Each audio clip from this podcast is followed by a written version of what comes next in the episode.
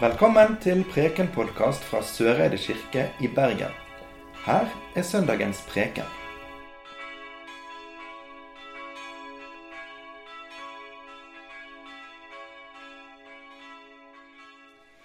På Jesu tid i jødedommen så var et viktig konsept som omhandlet relasjonen mellom mennesker og Gud, det var det som ble kalt for rituell renhet.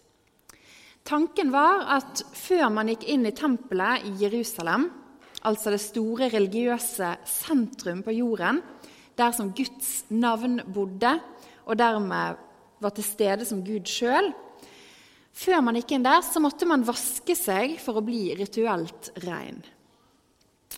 Og fordi det var bare om du var rituell rein, at du ville tåle å møte Gud. Tempelet i Jerusalem og området rundt det tempelet det var delt inn i forskjellige soner og rom ut ifra hvor rein eller urein folk var. Og Man kunne bare gå dit som man var rein nok til å være. Og Jo lenger inn i tempelet du gikk, og jo nærmere du nærmet deg Guds navn, jo reinere måtte du være. Og helt innerst i tempelet, bak et forheng, der var det som ble kalt for det aller helligste. Der var det kun øverstepresten som kunne gå inn. Og han, ja, det var jo bare manneprester den gangen, han kunne bare gå inn der én en eneste gang i løpet av året. Da møtte han Gud ansikt til ansikt. Og bare i tilfelle han ikke var rituell rein nok, så var det sånn at kollegaene hans knyttet et tau rundt foten hans før han gikk inn. For hvis møtet mellom han og Gud ble for mye, og han falt død om, så kunne de ta og trekke han ut igjen uten å sjøl måtte risikere livet. Rituell renhet det var en stor del av livet til mange mennesker i Palestina på Jesus sin tid. Og når du hadde vasket deg for å bli sånn rituell rein, så var det ekstremt viktig at du unngikk enkelte ting. Du måtte unngå feil mat, syke mennesker, menstruerende kvinner, hedninger, altså folk som ikke var jøder. Du måtte unngå døde mennesker, osv. For disse tingene var ansett som å være ureine, og urenhet, det smittet. Kom du i kontakt med det som var ureint, så ville det ødelegge hele din rituelle renhet, så du ikke lenger var i stand til å nærme deg Gud. Derfor var det om å gjøre å ikke komme i kontakt med disse urenhetene. Og dette hører vi var en ganske big deal. Og Det fantes derfor mange lover og regler og system for å overholde dette med rituell renhet. Så var det særlig én gruppe mennesker som var regnet for å være rituelt ureine. Det sies at de som var rammet av spedalskhet, de gikk rundt som vandrende lik. De luktet, og de så ut som døden sjøl. Huden var ofte full av sår Hodet var hovnet opp, og øyebryn, nese og tær og fingre det falt av. Det tok lang tid å dø av spedalskhet. og Ofte var dødsårsaken at svelget ble rammet, og at den spedalske rett og slett ble kvelt. Og Det fantes ingen kur for spedalskhet. Man visste ikke hva sykdommen kom av, men de som var rammet, de ble altså ansett som ureine, som skitne. De ble isolert fra resten av samfunnet og vist bort fra fellesskapet. Gjennombruddet for spedalsk sykdom det kom faktisk først i 1874 her i Bergen. Det var forskeren og legen Gerhard Amør Hansen som sto bak det gjennombruddet. Det var han som da fant ut at sykdommen den skyldtes en bakterie som ikke var arvelig, men smittsom. Denne historien den kan vi lære veldig mye mer av hvis vi besøker f.eks. Lepra-museet i byen. Og I dag så fins det behandling og det fins medisiner. Og sykdommen den er borte fra vår del av verden takket være denne bergenseren sitt gjennombrudd. Men tilbake til Jesu tid. Man skulle holde seg unna de som var spedalske, for ikke sjøl å bli smittet. En som var spedalsk, måtte leve i isolasjon fordi at den syke ble regnet for å være rituelt urein. Mannen som Jesus møter i dagens evangelietekst, det var han var en sånn som å regne som var permanent urein, fordi at han hadde denne sykdommen. Men vi leser at han oppsøker Jesus og spør om Jesus vil gjøre han rein. Så da skal vi høre dagens evangelietekst, og vi reiser oss. Det står skrevet i evangeliet etter Markus. En mann som var spedalsk, kom til ham, falt på kne og ba om hjelp. Om du vil, kan du gjøre meg ren. Jesus fikk inderlig medfølelse med ham, rakte ut hånden og rørte ved ham. Jeg vil, sa han, bli ren. Med det samme var spedalskheten borte, og mannen ble ren. Jesus talte strengt til ham og sendte han straks bort.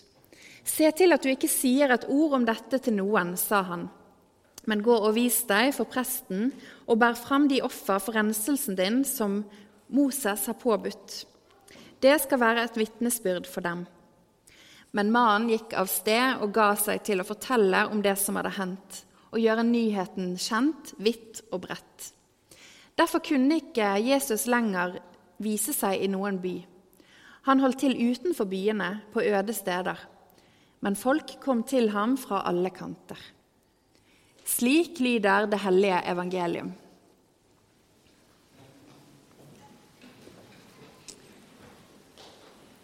Jesus, som ellers i Markusevangeliet, tilsynelatende har veldig dårlig tid og nærmest småjogger fra by til by, fra under til under, for å til slutt ende opp på korset, han stopper opp. Fortellingen her går i sakte film, og vi skjønner at det er noe viktig som er i ferd med å skje. Mannen faller på kne foran Jesus, og han ber om hans hjelp.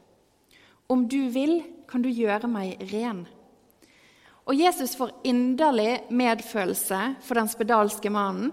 Han rekker ut hånden og rører ved ham. Og så svarer han, 'Jeg vil bli ren'. Jesus, som er Gud sjøl, han lot seg oppsøke og berøre. Helt fysisk så ble han berørt, for så å berøre syke mennesker utstøtte kvinner, hedninger og døde mennesker, spedalske. Men han ble ikke smittet av disse menneskene sin urenhet, som man kanskje skulle trodd at en snekker fra Nasaret ble. Alle mennesker som møtte Jesus, de ble tvert imot smittet av hans hellige renhet. Spedalske ble friske, hedninger kom til tro, døde ble vekket til live. Og Jesus viste da det stikk motsatte av det folk var vant til. Jesus kom med en renhet som smitter. Og Jesus hjelper denne spedalske mannen tilbake igjen fra utenforskapet. Inn igjen i fellesskapet som han var vist bort ifra. Jesus, Gud sjøl, som var så utilgjengelig for vanlige mennesker at han egentlig ikke tålte urenhet, han valgte å komme ned til oss og smitte oss med sin renhet.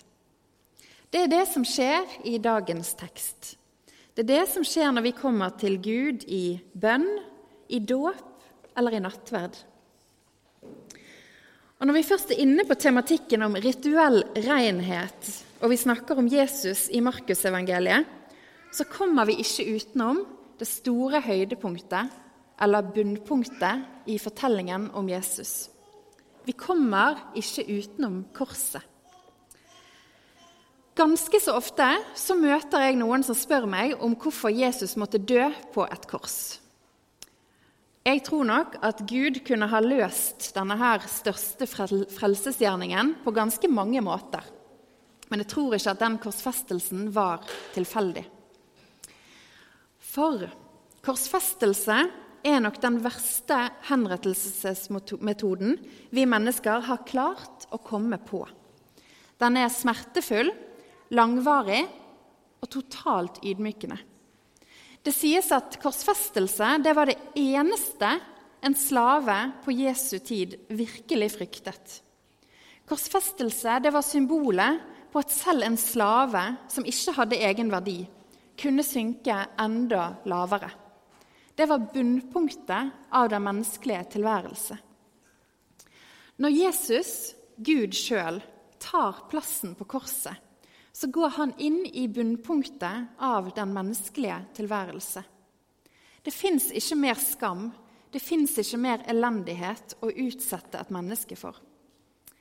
Noe som betyr at uansett hvor langt nede vi noen gang skulle befinne oss, uansett hvor verdiløse eller skamfulle vi føler oss, så har vi en Gud som har vært der, og enda, enda, enda lenger nede. Samtidig så er ikke Jesus en gud som overvinnes av menneskelig hat og skam. Jesus kommer med en renhet som smitter, også i det mørkeste i oss, der ingen andre ser. Når Jesus dør på korset, så revner forhenget, det som beskytter det aller helligste i tempelet, det revner i to. Gud er ikke lenger skjult bak et forheng. For med Jesus så har Gud gått ned i støvet, i driten, og blitt menneske. Og ikke nok med det. Han har dødd en slaves død og gått ned på bunnpunktet av den menneskelige tilværelse. Og gjennom det har Gud gjort seg sjøl tilgjengelig. Gud gjør alt og gir alt for at vi skal få tilbake fellesskapet med seg og med hverandre. Gud gjør alt og gir alt for at vi skal få være nær, og for at han skal smitte oss med sin hellige renhet. Er det noe vi har lært etter to år med pandemi, så er det at vi mennesker trenger fellesskap. Isolasjon og utestengelse fra fellesskapene det er ikke oppskriften på gode liv, eller det gjør oss ikke til gode medborgere. I Kirken så sier vi at fellesskapet vårt framfor alt, det fins i dåpen. Der er vi helt like.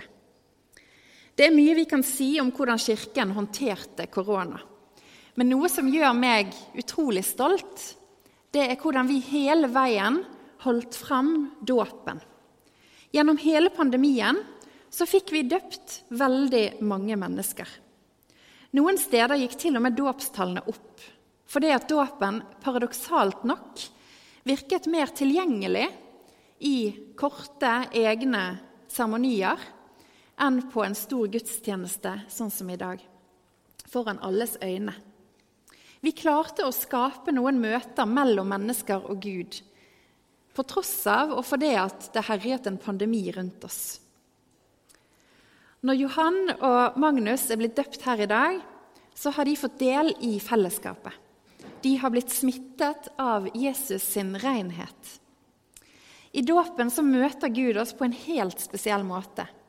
Og når vi tar imot brødet og vin i nattverden, der Jesus inviterer oss til å ta del i minnet om Han, så kan vi være et fellesskap som smitter videre den kjærligheten Han har vist oss.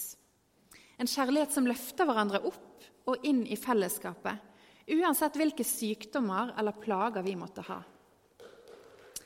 I morgen, 10. oktober, så markerer vi verdensdagen for psykisk helse. På verdensdagen.no så står det pandemi, krig, klimakriser, flyktningkriser og livskriser. Etter to år i krisemodus så ser det ut som vi går en usikker og utfordrende tid i møte. Det skal vi ikke trenge å gjøre alene. Vi vet at ensomhet og utenforskap koster. Årets tema for verdensdagen for psykisk helse er 'Vi trenger hverandre. Løft blikket'. Det er nesten som om Jesus skulle sagt det sjøl. Ære være Faderen, Sønnen og Den hellige ånd, vår skaper, frigjører og livgiver. Amen.